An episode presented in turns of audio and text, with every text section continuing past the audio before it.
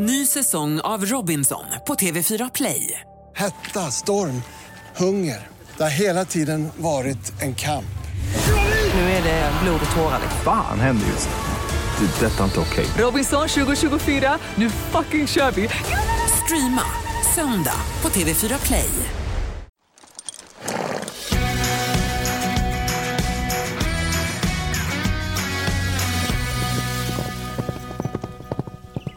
Dags för ännu ett avsnitt av Rid- Ridklubben. Hej, Beckis. Hej, Gry. Losers try, winners do. Ja. Det är Petronella Anderssons eh, mantra eller livsmotto. Det är hon som är gäst i det här avsnittet. ja, så kul. Ja, och- frisk fläkt, gullig tjej. Man vill gärna hänga med henne eh, som bor i Nederländerna annars på den fantastiska gården Seffex Stables. Och när vi nu i talande stund då, eh, då har vi för några dagar sedan fått veta att hon ska vara med och representera Sverige i EM i Milano i slutet på augusti Så 2023. fett, alltså. Jätte, man vet ju inte, det kanske folk som lyssnar på det här om ett år. Ja. Men där vi är nu så Exakt. ska hon rida EM i Milano. Jättekul. Det visste vi inte när vi pratade med henne. Nej.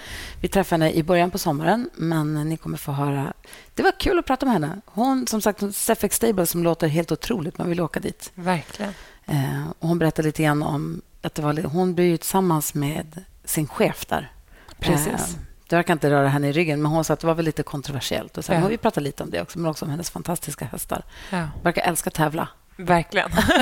Tävlingsmänniska ut i fingerspetsarna. Vi sitter i köket på... Ja, vad kallar vi anläggningen nu? Med Gustavsbergs hästcenter. Det är jag det det heter nu. Ja, det kanske ekar lite här. Det är lite tomt här just nu. Vi håller på att flytta in. För det har hetat Gustavsbergs Ryttarsällskap i 25 år. Ja, det är ju klubben. Ja. Skärgårdens rid och friskvårdscenter har ju Ja. själva föret... Det är fortfarande det företag som äger anläggningen. ja. Men då mitt företag som jag har startat heter Gustavsbergs hästcenter. Och det är nu vi som ska driva anläggningen Och vad har du för paroll och motto? Då? Om hennes är winners do, los- losers try, winners do. Vad har du då? Ja, jag Gustavsbergs hästcenter? Jag har inte kommit dit än. Jobba hårt har jag. Bara. Det har varit den här sommarens motto. Om jag jobbar nu kanske jag kan vara lite ledig sen.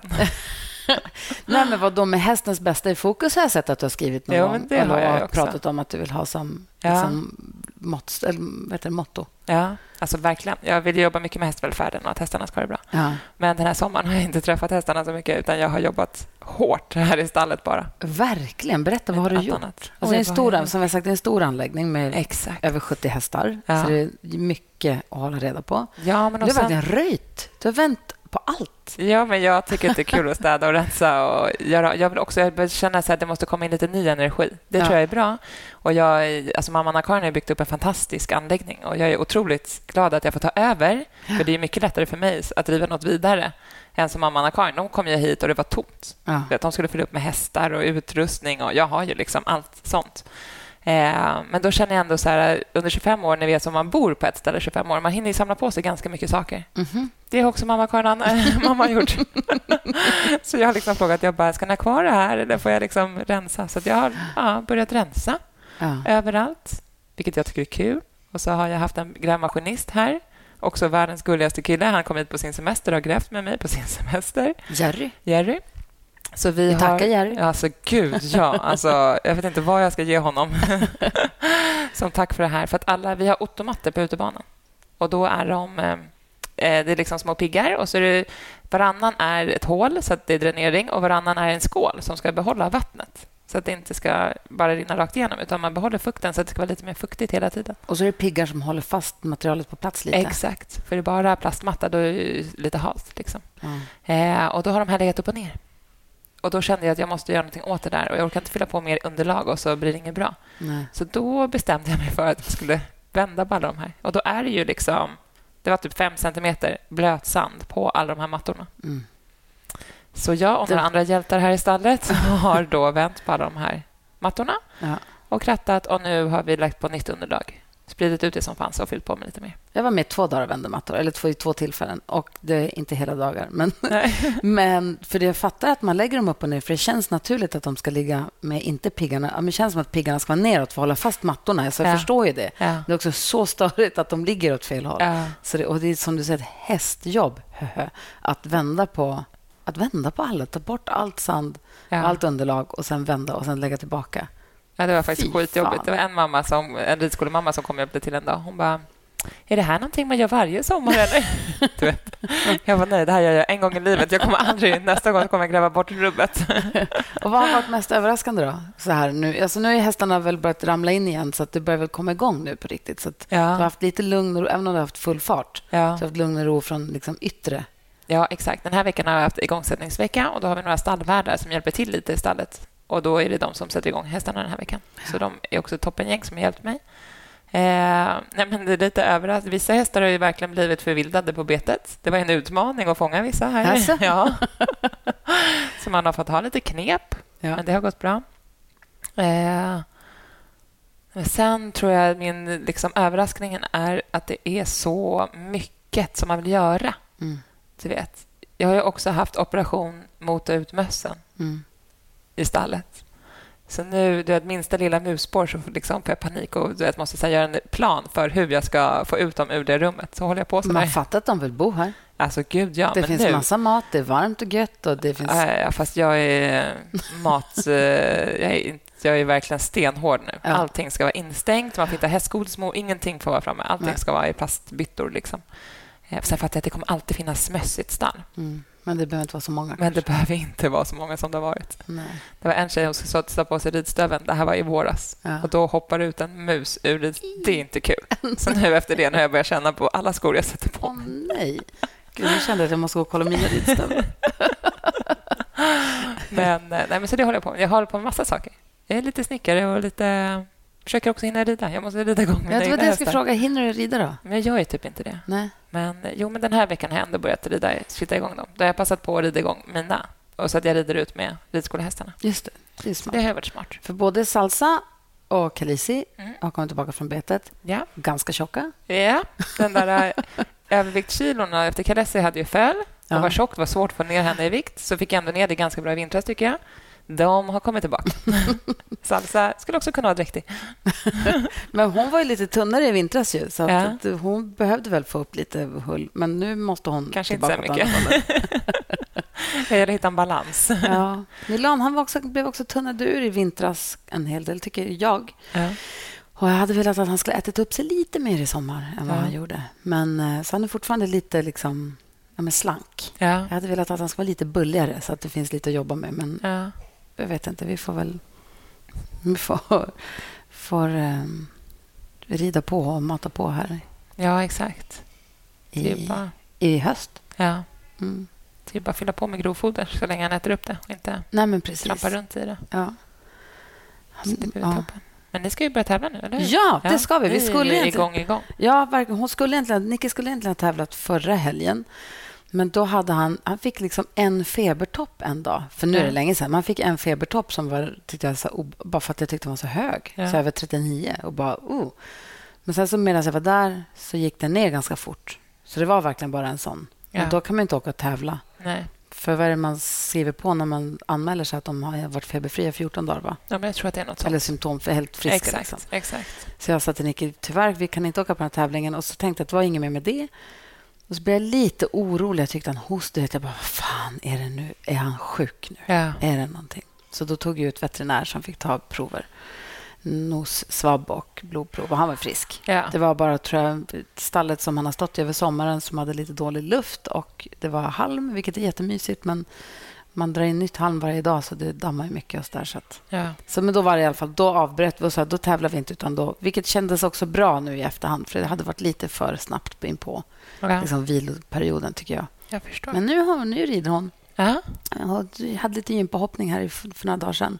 Hoppade några studs och bara tog något språng för att se att det liksom ja, kändes bra. exakt. Det fick räcka, tänkte jag, som Ja. hoppträning inför tävlingen. Ja. Eller? För hon ska inte hoppa döhögt, men Nej. alltså hon ska bara rida lätt B. Ja. Så jag tänkte att första lätt B får bli som en liten träning. ja, men precis. Så. Ja. Det är väl att ut jättebra. och galoppera. Ja. Det är det som är härligt. Man vill passa Ja. på nu. Men det har kommit så sjukt mycket regn Ja. redan. Det är lite tråkigt. Jag hade tänkt att man skulle kunna rida lite mer på ängarna och sånt. Men det vågar man inte göra när det är så här Blött. slirigt. Nej. Liksom. Eh, men det var också tråkigt för att eh, våra hästar gick ju på bete här hemma. Och Då har vi två ganska stora hagar ändå. De har ju liksom aldrig betat upp dem. typ. Men den där första torkan den dödade liksom allt. Ja. Så det växer liksom inte tillbaka.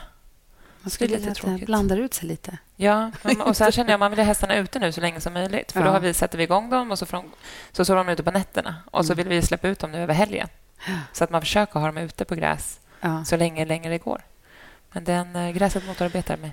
Idag så är det Aha. kanske 19 grader ute Ja. och så kom det någon jätteskur och så regnade det och då är det några hästar som har regntäcke. Ja. Har du regntäcke på dina hästar då? Nej. Inte jag heller. Ta, bra. Pju, jag ville bara kolla, för jag kände bara så här, vänta, är jag nu den enda som inte har regntäcke? Och jag gör bort, för jag tycker det känns jättevarmt. Det är jättevarmt. Har du De- känt hur varmt det blir när solen kommer fram? Ja, Förstå att stå under det där täcket. då. nej, det var bra, tack. Jag ville bara få bekrä- Jag bekräftat vad jag tänkte. Alltså när vi hade Neo, han var ju en fri, fryslort. Ja. Han frös ju bara... Han såg regn, typ. Nej, men Ja. Han var ju väldigt frusen av sig. Ja. Har man en sån häst, då kanske man behöver ha det. Men då behöver man kanske också vara lite flexibel, så att man kanske täcker på eller täcker av. ja. Exakt. Eller lägger på med fleecefilt bara eh, efter regnet, så att de får torka upp lite snabbare. Ja. Men nu kommer det ju sol direkt. Alltså, det är inte så att de står ute i storm och att det regnar. Alltså, det är... Och så länge det är så varmt. Exakt, det är jättevarmt ute. Ja, jag ville bara... Så, nej, jag tycker, men alla gör som de själva vill. Jag vet. vill inte lägga mig i någon annans beslut. men jag eh, kör utan täcke. Ja. Och vad har du för mål nu då, hösten? Med hästarna? Oj, jag ska bli bra på att rida igen. Ja. Det är mitt första mål. Eller jag ska börja rida igen. Det känns som att jag inte har ridit på ordentligt på skitlänge. Ja, Så jag är taggad. Fast det har du ju, men jag fattar vad du menar. Jo, men jag är liksom inte tävl... alltså, jag har inte liksom haft någon mål direkt. Jag Nej. har bara så underhållsridit. Liksom. Så nu tänker jag att det ska också bli skitkul. Sylve kommer ju komma hit regelbundet, så det känns asroligt. Eh, han är också en så bra tränare. Han är bra på att liksom få mig att våga gå lite utanför min comfort zone. Mm. Liksom. Eh, så det känns kul. Och sen så, nej men så jag tänker att Kalesi måste jag verkligen komma igång och börja hoppa. Jag liksom aldrig riktigt kommit igång med henne för att hon hade föl. Sen hade hon värjtänder vi tog bort och sen var det lösa benbitar vi tog bort. Så vi har liksom bara bebishoppat. Ja. Så vi vill ju komma igång. Och salsa vill jag också komma igång med lite mer. Liksom. Och sen har jag faktiskt varit och provat en ny häst. Oh, berätta. Eh, nej, men det är en annan tjej, en kompis till mamma, som vill köpa sin första storhäst. Och hon har bara varit medryttare innan. Och Då frågade hon om vi skulle köpa den tillsammans. Bara för att hon bara, jag känner att jag inte har kunskapen att ha en egen häst, men det har du. Eh, så då har vi varit och provat hästar tillsammans och har hittat en som vi båda gillar jättemycket. Gud, vad roligt. Det är ju Ja. perfekt upplägg ju. Alltså jättebra. Ja. Jag fattar inte att inte fler gör så. Ja. Jag har inte tänkt på det på det sättet innan. Men Nej. nu så är ju det faktiskt jättesmart att ta hjälp av någon som har haft hästar och kan lite mer. Ja. Och Då har jag sagt att vi kör tillsammans och sen kan jag börja lägga över mer och mer ansvar på henne ju mer jag känner att hon Ja. har koll. Liksom. Ehm, Vad är det för häst? Eller kanske du vill... Eller vad, vad, vad är statusen på den då, som du Ja, men den ska besiktas på tisdag. oh. Ja, så vår veterinär kommer hit och då ska de köra hit den och besikta den här på tisdag. Så går den igenom så kommer den stanna kvar. Nej. Jo, usch, jag hatar att besikta hästar. Egentligen Ja. vill jag typ inte ens vara med. Jag vill bara att de ringer när det är klart och se om det gick bra eller dåligt. Men det känns ändå härligt att Carro Frisch, då, som kommer att vara veterinär här, att hon besiktar den. För då, är det också, då har hon sett den när vi köpte den, om vi nu gör det. Och då det, kan man ju följa upp liksom, och hålla lite koll med mig om det skulle vara någonting. Men den är 11 år och har hoppat 1,35 och är liksom väldigt värdig. Den var så härlig att sitta upp på, du vet, när man bara så spricker upp i ett leende och jag ville Ja. aldrig sitta av för att det var så kul. Gud, vad roligt. Ja, den var jättefin. Den rör sig också jättetrevligt. Så att jag, nej, en perfekt allround-häst Ja. som jag letade efter. Och Sen så har den lite go i sig i hoppningen. Den blir lite het. Ja. Och Det tror jag är bra. Jag behöver den. Jag är bra på att dämpa hästar. jag har sagt att jag ska ha en galen jäkel till nästa häst. Så Den här är ändå ett steg på vägen. Men med lite sprutt i. Ja, exakt. Ja. Men jättesnäll att rida dressyr på. Men när man kommer mot ett hinder, den liksom sög tag i alla hinder när jag provred den. Ja, gud, Så den var på vägen i en trekombination. Jag bara, nej, nej, nej, nej, så kul ska vi inte ha. Jo! Så ja, nej, vi håller tummarna. Det hade varit så kul om det gick Gud, vägen. Ja. Och så får vi i nästa avsnitt som kommer om två veckor, då får du berätta hur det gick. ja, exakt. Perfekt. Jag kanske lägger upp någonting på Instagram också. Ja. ja. Oh, håll koll på vårt Instagramkonto. Det kan hända kul grejer där framåt. Verkligen. Ja. Jag har lite roliga saker. Ridklubben-podden heter den. Ja, Ja. Så det tycker jag verkligen ni ska göra. Nu ska ni få höra hur det lät när vi träffade tävlingsryttarinnan Petronell Andersson.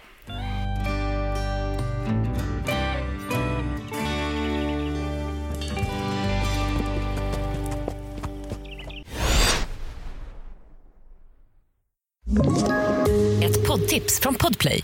I podden Något Kaiko garanterar östgötarna Brutti och jag, Davva, dig en stor dos skratt.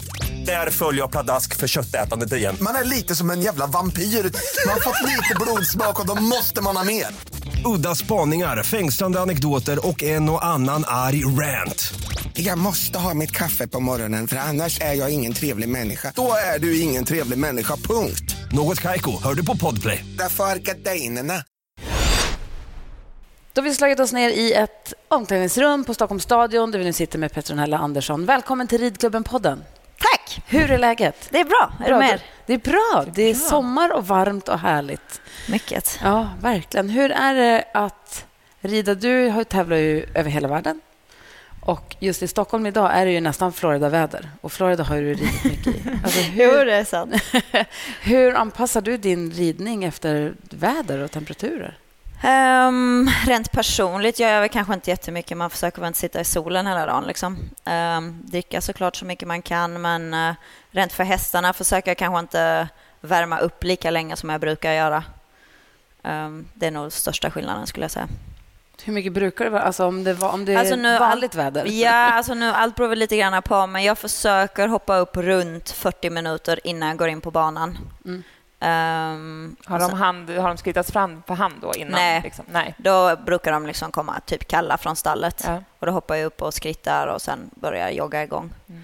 Eh, är det varmare så kanske 35 minuter, 30-35. Och hur, eh, hur lägger du upp din framridning? Eh, allt beror väl på lite från häst till häst skulle jag säga. Eh, vissa hästar skrittar jag längre fram och börjar direkt galoppera lite. Uh, kan vara en liten äldre häst som jag gör det med ibland.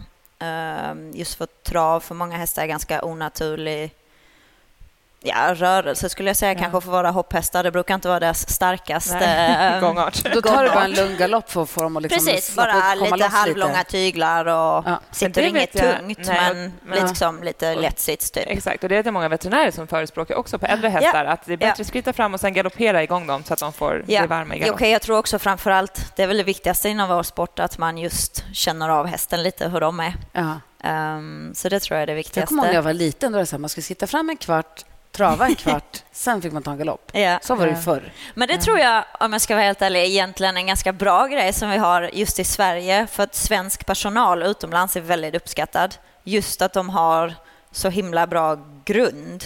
Och det tror jag man har fått då av många just på ridskolan faktiskt. Ja. Att det är regler från början och man skrittar och man travar, man galopperar och sen är hästen varm och då jobbar man. Ja. Så det tror jag faktiskt egentligen i grund och botten är faktiskt en bra grej.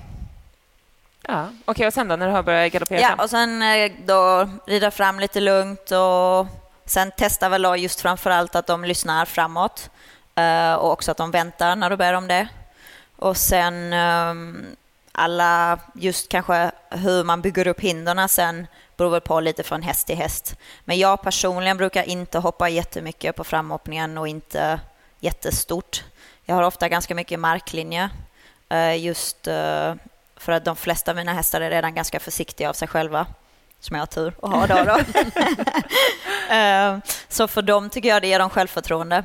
Att eh, rulla ut marklinjen lite och försöka få mjuka och jämna språng. För det säger man ofta att man gör till unghästar, men Mm. du gör också det på dina hästar som går På mina äldre hästar, liksom. ja. ja. okej. Absolut. Sen som jag sa, allt är ju ganska jo. individuellt. Men jag brukar avsluta med ett sista räcke. Gör jag ett med mycket marklinje och sen så brukar jag höja ett eller två hål och då rulla in marklinjen lite just för att se om de är vaksamma på vad som komma skall. Så bygga, bygga upp lite självförtroende inför starten. Precis, inte det tror jag är svårt. jätteviktigt. Nej, det tror jag. Sen som jag sa, allt beror på. Har du kanske en häst som är lite mindre försiktig, då kanske du bygger upp framhoppningen lite på ett annat sätt. Men Ja. jag tror i grund och botten tror jag är väldigt viktigt att just bygga upp självförtroende. Ja. Både häst och ryttare. För det viktigaste är att man går in och man känner vi är redo och allt Ja. funkar. Ja. Att man inte kanske ställer för mycket svåra frågor och då går du redan in med du känner dig lite osäker på uppgiften.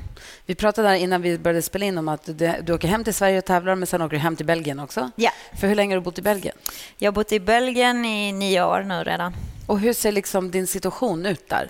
Med stallet och Ehm, företaget? som- Ja, alltså jag är ju anställd uh, utav eh, Stefan Conter som han heter då, som äger Stefex Stables. Eh, vi är också tillsammans, vi har varit tillsammans i sju år redan.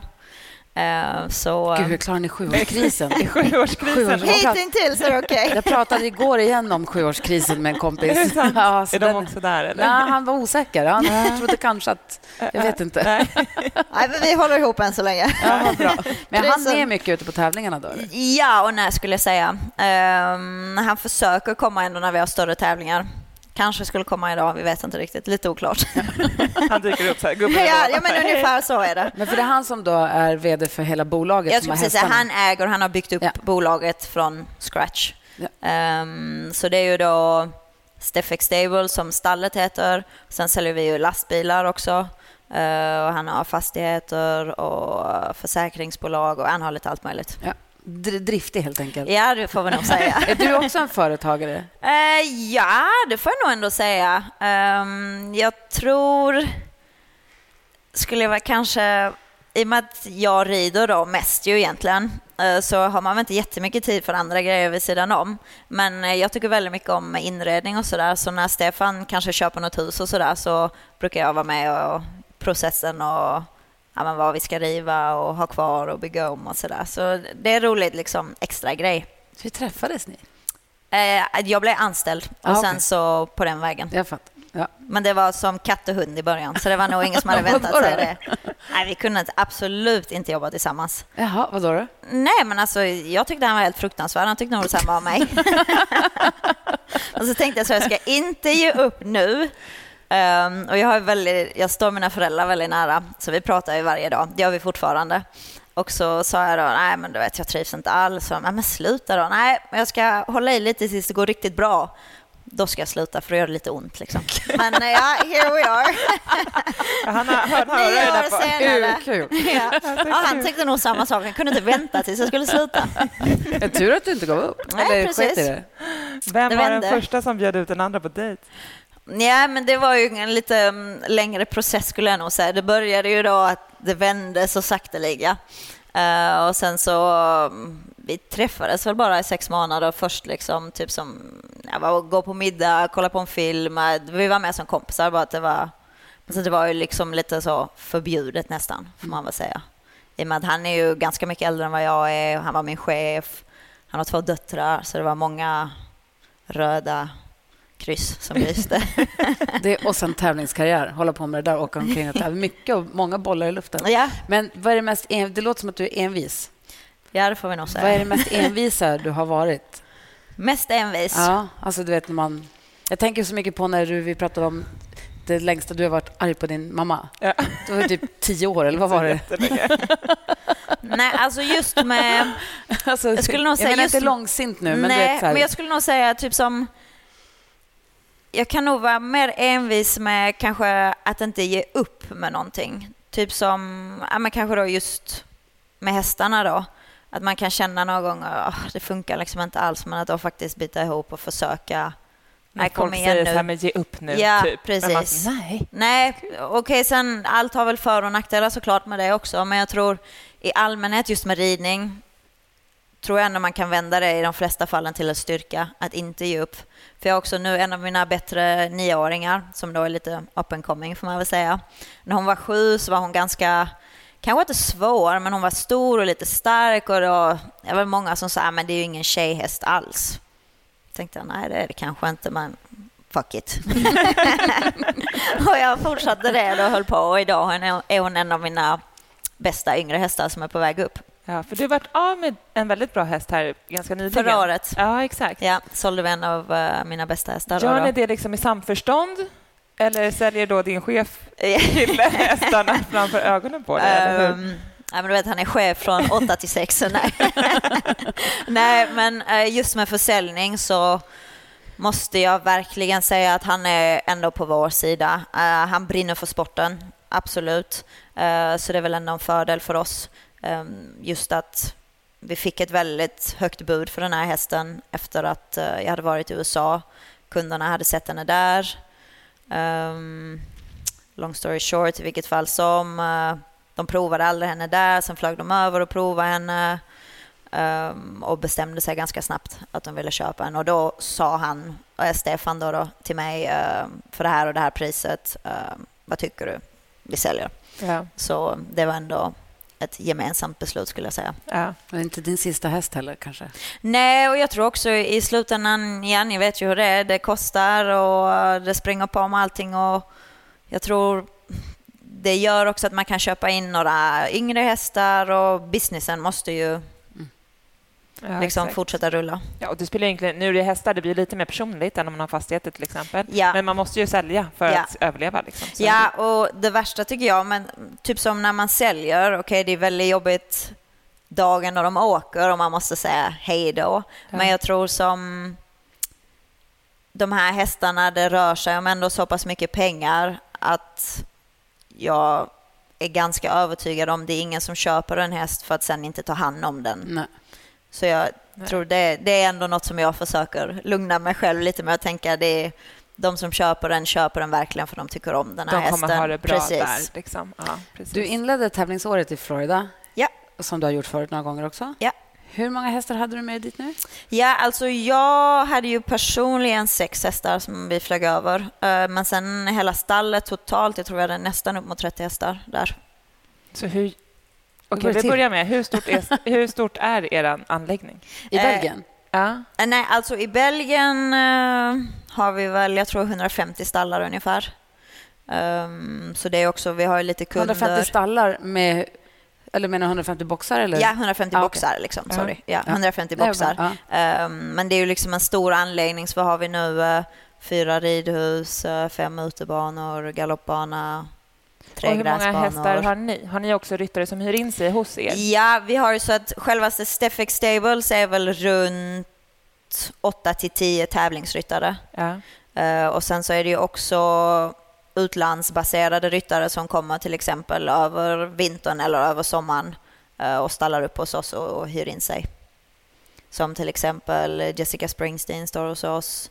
Ehm, nu har vi ett gäng irländare, Kian O'Connor eh, med hans eh, elever och sen har vi eh, Rodrigo Pessoa och så det är ganska mycket rullians. Men och vad Bra- roligt bra att få rida med dem där.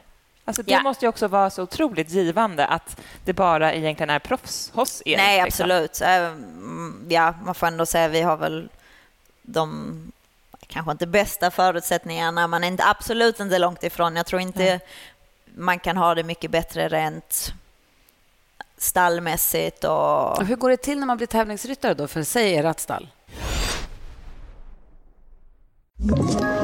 Ett poddtips från Podplay.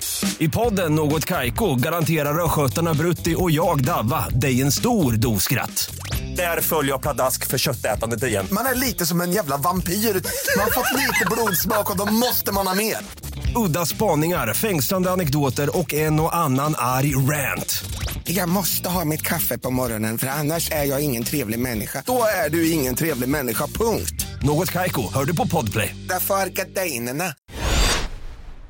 Ja, alltså det kan ju vara till exempel ehm, som Stefan kom och frågade mig där jag jobbade innan om jag ville bli anställd eller om jag ville börja jobba för dem.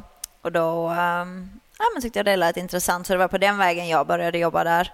Eh, Daniel var det väl likadant, Daniel Deusser, tysken. Eh, jag tror också att han ringde till Daniel och frågade om Så han man ville visar börja framfötterna jobba. på tävlingsbanan Jag skulle precis säga, jag tror på- också det. Och även om man kanske inte har gjort det innan, då kan man alltid skicka ja, men sitt CV och någon film när man rider. Och... Alltså, fråga inte för mig, utan Nej. jag är bara nyfiken på hur det funkar. Nej, men jag tror i, i allmänhet, det är väl som alla andra jobb, man måste stå på lite själv och Ja. just visa att man vill Ja. jobba någonstans. Och också att kanske inte ha i åtanke att man ska vara tävlingsryttare direkt. Att man måste jobba sig lite uppåt, som i alla andra branscher också. Vart du tävlingsryttare direkt? För jag har också hört att du inte är rädd för att hugga i. Nej, det är jag inte. För det, nej, det, det stämmer nog. nej, jag började som, jag red ju ponny eh, junior eh, hemma i Sverige. Sen flyttade jag utomlands när jag var 19 Ja. efter studenten. Eh, då sa jag till mamma och pappa att jag ville testa ett år jobba utomlands. Uh, sa de, ja men toppen. Eh, ja, och ett år är väl idag då. Jag är 32, så är det ju 13 år senare Ja. nästan. Ja. Ehm, och då började jag ju, då hörde jag via via, för jag hade kompisar som bodde nere i Belgien, äh, Holland, förlåt. Ehm, så då hörde jag att ja, men det är en försäljningsstall som letar efter en ny ryttare. Jag tänkte jag får väl ringa och kolla vad det kan vara.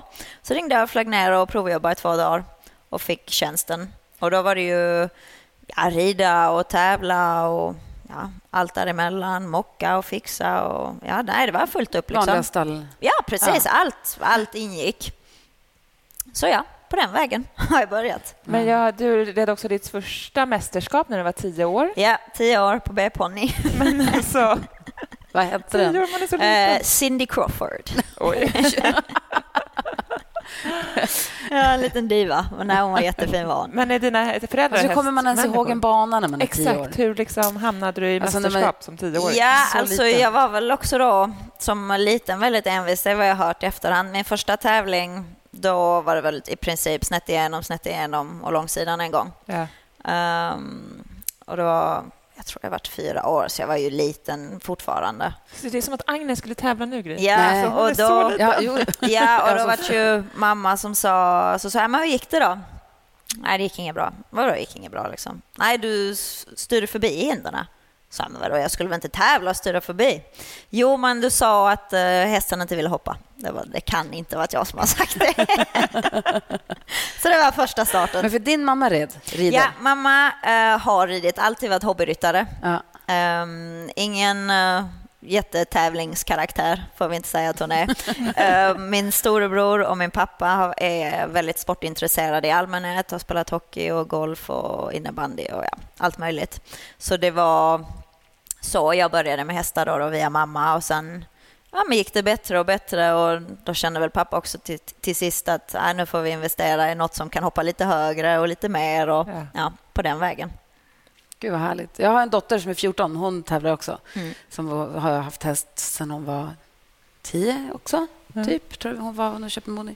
Det är kul att följa. Det är roligt att hänga med. Jätte, och jag tror också, just som i, i många sporter, man, man får tidigt ta ansvar för någonting. Mm. Ehm, det var mina föräldrar väldigt noga med att ja, man, man fick välja. Det var kanske inte då festen som gick före om man skulle tävla. Dagen efter fick man välja. Antingen var det fest eller så var det att tävla. Men då var det ju att tävla.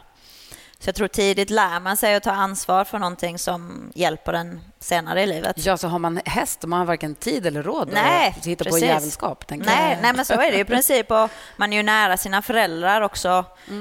Ja, man umgås ju med Ja, mycket precis. hela tiden. liksom. Så det tror jag en fördel i väldigt många fall. Ja. Men var det alltid självklart för dig under tonåren att du skulle rida? Eller hade du liksom några svackor där du... Nej, alltid har varit ridning har det Ja. faktiskt varit. Sen ehm, hur jag växte upp, alla mina kompisar var väldigt förstående. Jag har alltid supportrat och ja, ibland också hängt med på Ja, tävling. kul. Och, så då blev det också... Det var egentligen aldrig att jag behövde välja bort någonting, kanske välja bort en fest, men det gjorde man väl på grund av att man ville, att man då tyckte det var roligare att tävla. Ja. Eller viktigare eller vad man nu ska Men du har säga. alltid känt att du varit välkommen tillbaka till gänget? eller vad man Absolut, ska säga, liksom. absolut. Och vi är ett gäng på kanske fyra stycken och vi har varit bästa kompisar så länge jag kan minnas. Hur skulle Och du beskriva idag. din ridstil? Min ridstil? Alltså, vad är du för typ av ryttare? mm, Jag skulle nog säga mm, ganska mjuk. Ehm, men ändå relativt beslutsam. Och vad jobbar du på med din egen ridning? Ehm, när jag var i USA då tränade jag med BC Madden. Det är en av de bästa amerikanska ryttarna. Jag har faktiskt tänkt att jag ska fråga om henne. Ja. Ehm, och just med BC lärde jag mig väldigt mycket jobba med position. Det är något jag försöker tänka på nästan varje dag när jag rider. Min egen position. Att försöka göra den bättre för att sen kunna... Och på vilket sätt vill du förändra den då? Alltså vad är bättre? Ja, alltså jag känner kanske inte att jag måste förändra något jättedramatiskt för det kan vara ganska svårt i och med att man är det är en liten vanesak också, man har ju ridit i så många år, men just att försöka eh, att sitta tillbaks lite när hästarna ska ta av, så är liksom i take-off, att inte slänga sig framför hästen. Att det också kan göra för många hästar att de då dyker lite Att istället. fortsätta ha den framför sig hela vägen. Precis, också att sitta tillbaks med överkroppen lite, att ge dem chansen att hoppa upp framför dig. Ehm, och också att sträcka på sig, så man sitter rakt. så det är nog de, de två jag tänker mest på, skulle jag säga. Tränar du någonting avsuttet också? Vid sidan om, ja det gör jag. Eh, Vi har en PT som kommer två gånger i veckan. Och då är det styrketräning? Typ, eller? Nej, lite blandat. Ja. Ehm, ja, väldigt blandat skulle jag nog säga. Har du någonting som du känner det här var så bra för min ridning när jag har tränat på det här? Typ? Mm, Jag tror allmänt. Ja. Eh, mycket stretching också är bra, så att man känner att man inte är för stel. Uh, viss styrka tror jag alltid hjälper, speciellt som tjej också. Jag tror en man i många fall har, är väl betydligt starkare såklart än vad en uh, kvinna kan vara. Så jag tror det är något man kan jobba på. Att just vara stark i sin egen position. Ja. Alltså man ser aldrig tävlingsryttare värma upp innan tävling. Har ni Nej. sett det någonsin? Jo, fast ofta ser jag till Malin. Hon är ute och springer rätt ofta. Och så här. Innan start? Inte precis innan, men, men innan start vill man inte vara alltså, man blir väl uppvärmd Jag tror vissa fram, ryttare så. kanske försöker stretcha lite och sådär. Ja, ja. Det är inget jag gör, men det, det är kanske något man det är borde. inga som håller på att cykla där, eller? Nej, men typ att man kanske borde det. Ja, fast å andra sidan tänker jag att man värmer upp med hästen. Alltså... Jo, det gör jag, men jag tror i slutändan det är jätteviktigt just att ändå var liksom, det vet man själv på vintern, man hoppar upp kall och man sitter och kurar lite i sadeln och hästen blir rädd och spinner runt. Det är ju väldigt många som drar uh, muskel, vad heter det här på insidan? Uh, insidan låret, ja, alltså ljumsken. Precis, ljumsken, ja. Många ryttare drar ju den muskeln och det tror jag också ofta kommer då att den är man lite är kort och stel och så kall på det. Liksom. Ja. Ja. Hade man joggat en fem minuter eller gjort några upphopp? Ja, eller bara gjort något lite. ja. tror jag hade faktiskt hjälpt säkert. Ja. ja. det är väl en vana vad det var, också. Vad var det du ville fråga om tränaren? Nej, men jag, för jag hörde att du hade tagit lite hjälp av Bise mm. och jag tycker att hon är en fantastisk ryttare. Alltså, ja. Hon är ju supercool. Liksom. Ja. Eh, så jag ville bara höra lite mer vad ni tränade på och vad hon sa för smarta saker. Och sånt. ja, men Bise är väl lugnet själv, skulle hon jag nog säga. Också Hon känns, hon känns härlig. Liksom. Väldigt. Ja. Mm, nej, en jätte, jätte, verkligen omtänksam, bra person. Um, så jag, uh, det var förra året som jag gjorde min första säsong med BC okej, vi känner ju dem lite via sporten såklart, så det var då um, som jag frågade henne när vi var där om hon hade tid att hjälpa mig. Uh, för då när jag flyger över, då kommer jag ju i princip utan tränare, i och med att tränarna blir ofta kvar i Europa. Um, och ja, men det vill hon gärna göra. Och, och då var, var hon så i Florida samtidigt? Precis, Eller de är ju stationerade i Florida i fem månader ja. kanske. Um, december till april, maj. Och sen flyttar de ju runt lite som de gör i USA. Ja i och med att det blir för varmt för många i Florida under sommaren. Um, så som jag sa, hon är väldigt, väldigt noggrann med position. Och det tror jag är också hennes styrka. Ja. Um, tålamod, allt tålamod i världen. Och väldigt strukturerad. Det känns som att hon hoppar aldrig upp på en häst utan att riktigt ha en plan. Det är också något jag försöker ta med mig och just tänka, ja men idag funkar kanske inte det som jag önskar, men okej, okay, vad kan vi göra bättre? Uh, till nästa ridpass, vad borde vi träna mer på? Uh, så det tror jag absolut något att ta med sig, att inte bara hoppa upp och rida runt för sakens liksom. skull. Och sen gör man det, då tror jag också man ska ha bestämt sig för det innan och tänka, men idag rider vi ut och då tar vi det lite lugnt och jogga lite bara. Ja, typ. precis. Ja. Och ja, men idag måste vi jobba ordentligt. Så att det inte bara blir. Nej, Nej. Det, det, tror jag är viktigt och framför allt Sen beror det på, hobbyrider du då är det för att det ska vara roligt och kanske man inte behöver tänka lika mycket på det. Men som för oss som ändå är ett tävling, försäljningsstall är ju ändå grund och botten att hästarna måste vara ridbara just för att en kund ska kunna hoppa upp och känna sig bekväm. När du köper hästar eller tittar på hästar mm. att köpa, vad går du igång på?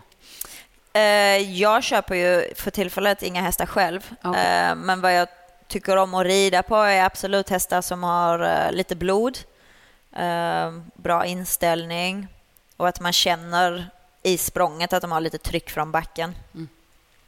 Men eh, i slutändan för mig tycker jag det viktigaste är just hästens inställning. Eh, vill de ta sig över felfritt så spelar det inte så stor roll hur, i princip. Men också när du säger det, hästar med blod, då känner jag att det är en häst som kommer in på banan och man känner att den här vill typ sticka ut nu. Hur gör Eller du då? fram. Ja. Nej, um, det är väl också lite med rutin skulle jag nog säga.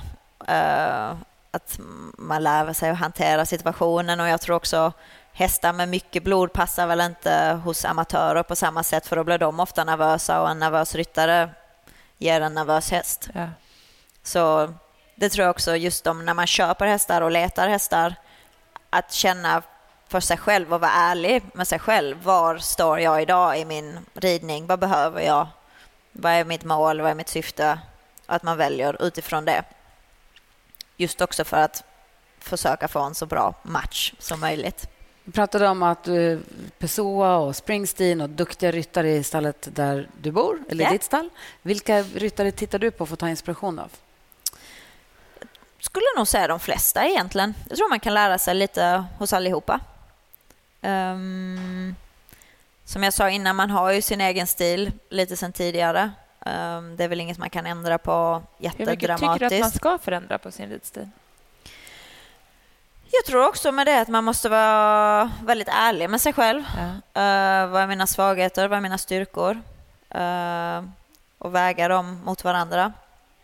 Sen allt är väl väldigt relativt, men jag tror också i dagens läge inom alla sporter kommer väl mer och mer mental träning. Um, tror också det är väldigt mentalt i slutändan.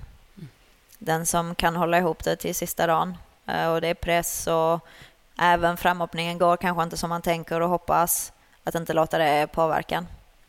Var det din häst? Vi kom precis när du var på framhoppningen. Nu. Var det Ja, din som häst försöker springa ut. Fnatt, fick lite fnatt på Ja. framhoppningen. Men, Du skakar på huvudet.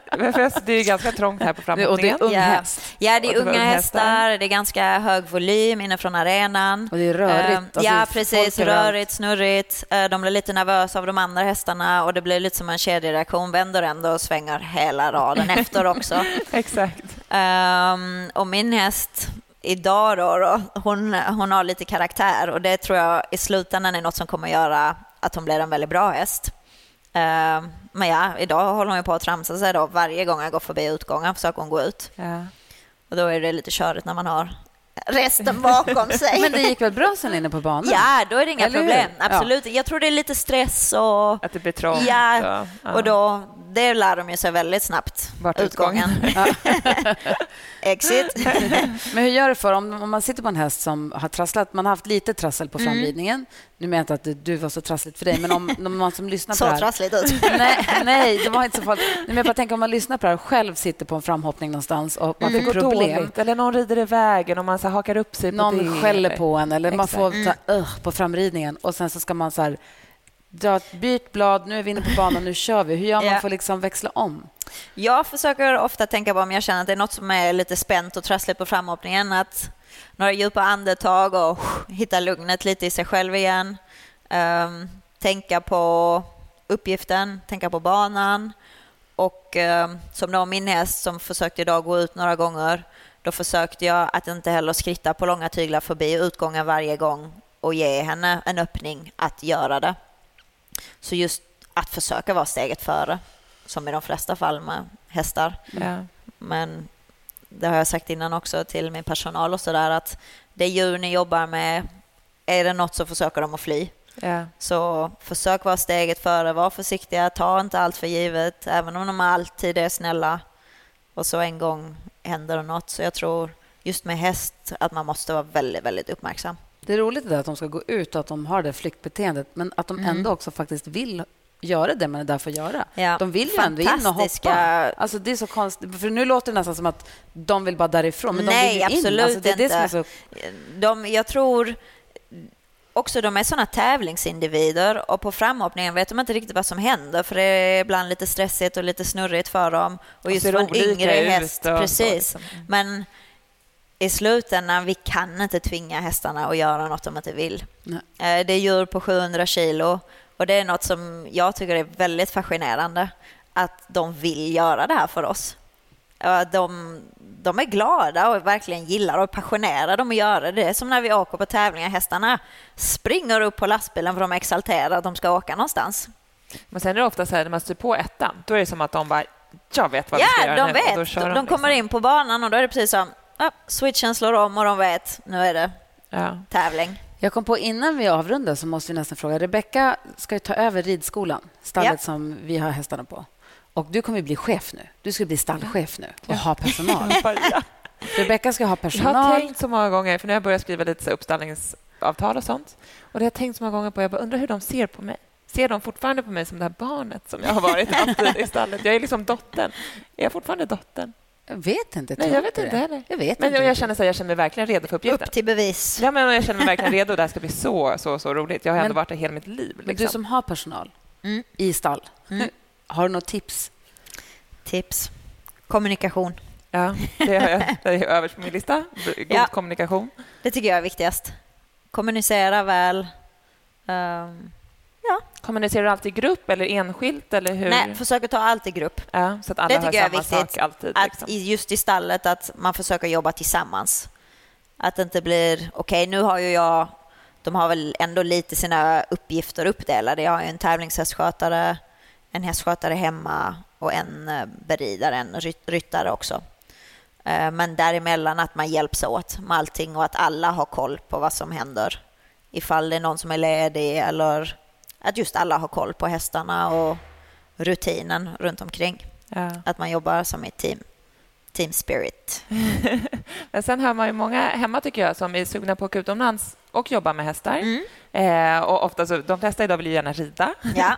Men vad har du för tips till dem som vill liksom komma ut och söka sig utanför Sverige eller kanske i Sverige också jobba hos professionella ryttare?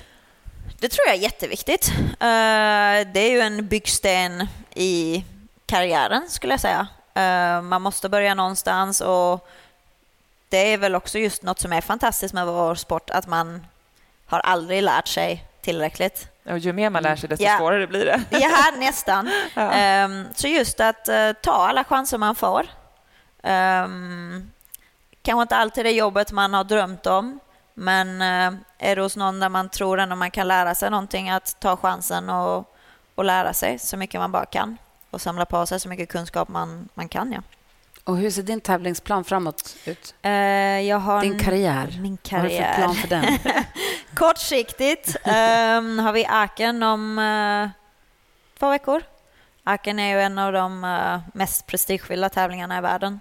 Också en ganska svår bana. Ja, Eller svår, den är stor oftast- gräsbana. Exakt. eh, Man har stora hört att den hinder. är väldigt liksom skräckinjagad. Ja, eller den är liksom stora hinder, mycket hoppning. Um, jag ritar en gång innan, så det ska bli kul att vara tillbaka med det svenska laget. Vi åker dit som lag. Sen eh, lite längre har vi ett EM eh, i slutet på sommaren som eh, målet är inställt på EM. Den vet vi inte exakt vad som händer såklart. Ehm, um, OS i Paris är ju nästa år. Det är väl också en dröm såklart.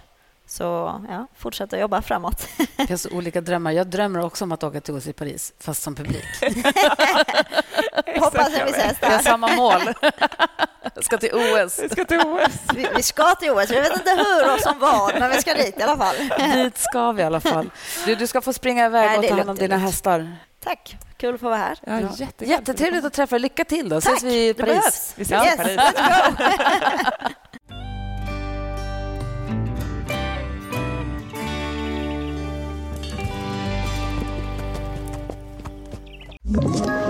Ett poddtips från Podplay. I podden Något Kaiko garanterar östgötarna Brutti och jag, Davva, dig en stor dos skratt. Där följer jag pladask för köttätandet igen. Man är lite som en jävla vampyr. Man har fått lite blodsmak och då måste man ha mer.